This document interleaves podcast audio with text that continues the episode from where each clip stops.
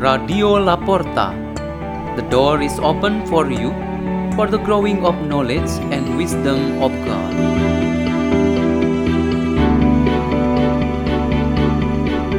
by Andrew Lazaro from the parish of Santa Maria Ratu, Block Q, Jakarta.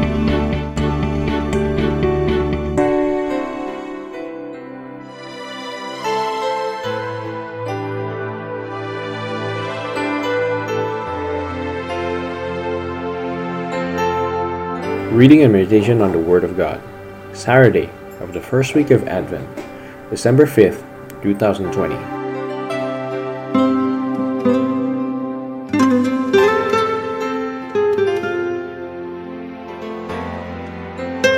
The Gospel of Jesus Christ according to Matthew.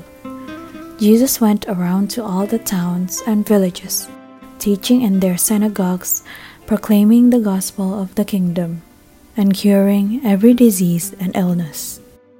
At the sight of the crowds, his heart was moved with pity for them, because they were troubled and abandoned, like sheep without a shepherd.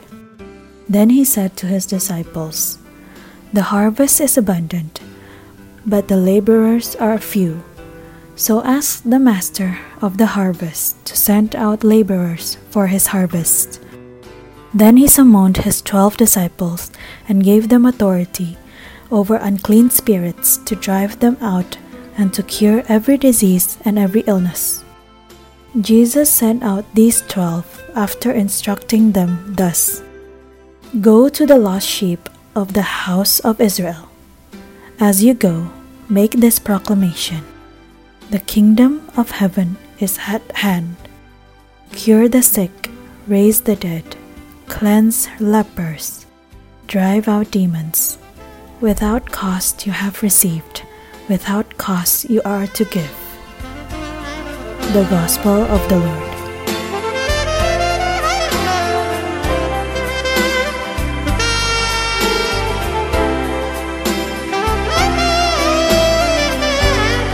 The theme for our meditation today is We Don't Buy Heaven.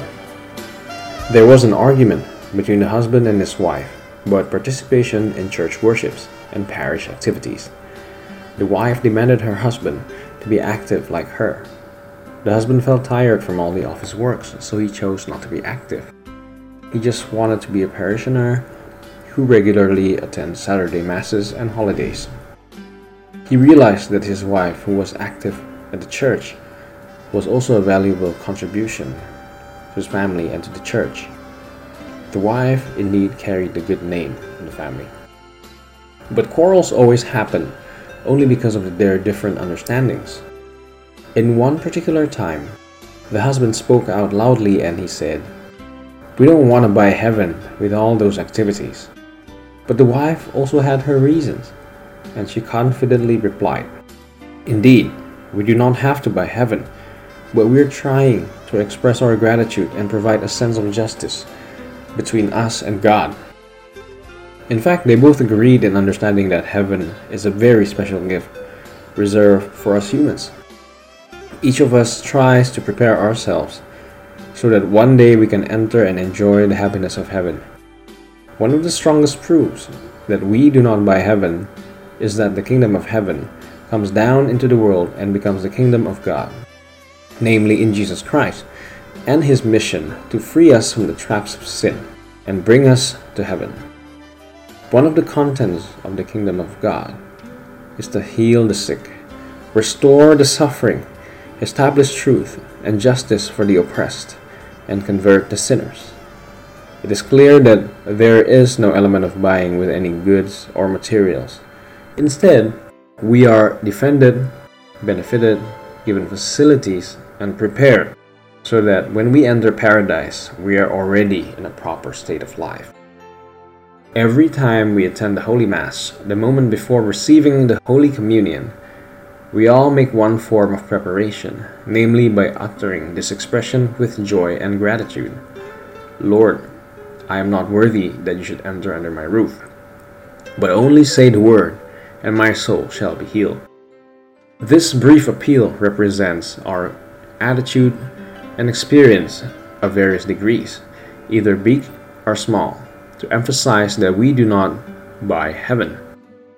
Our only preoccupation is to always be sincere and faithful to the providence of God.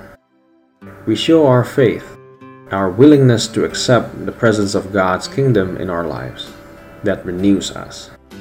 Every time when we utter these words, present only in front of God all the difficulties, weaknesses, sufferings, and troubles that you and your family face. Then let the kingdom of God restore all. Let us pray. In the name of the Father, and of the Son, and of the Holy Spirit. O Lord, may your kingdom come and restore every problem in our life. Our Father, who art in heaven, hallowed be thy name. Thy kingdom come, thy will be done, on earth as it is in heaven. Give us this day our daily bread, and forgive us our trespasses, as we forgive those who trespass against us. Lead us not into temptation, but deliver us from evil. In the name of the Father, and of the Son, and the Holy Spirit. Amen. La porta, la porta, la porta.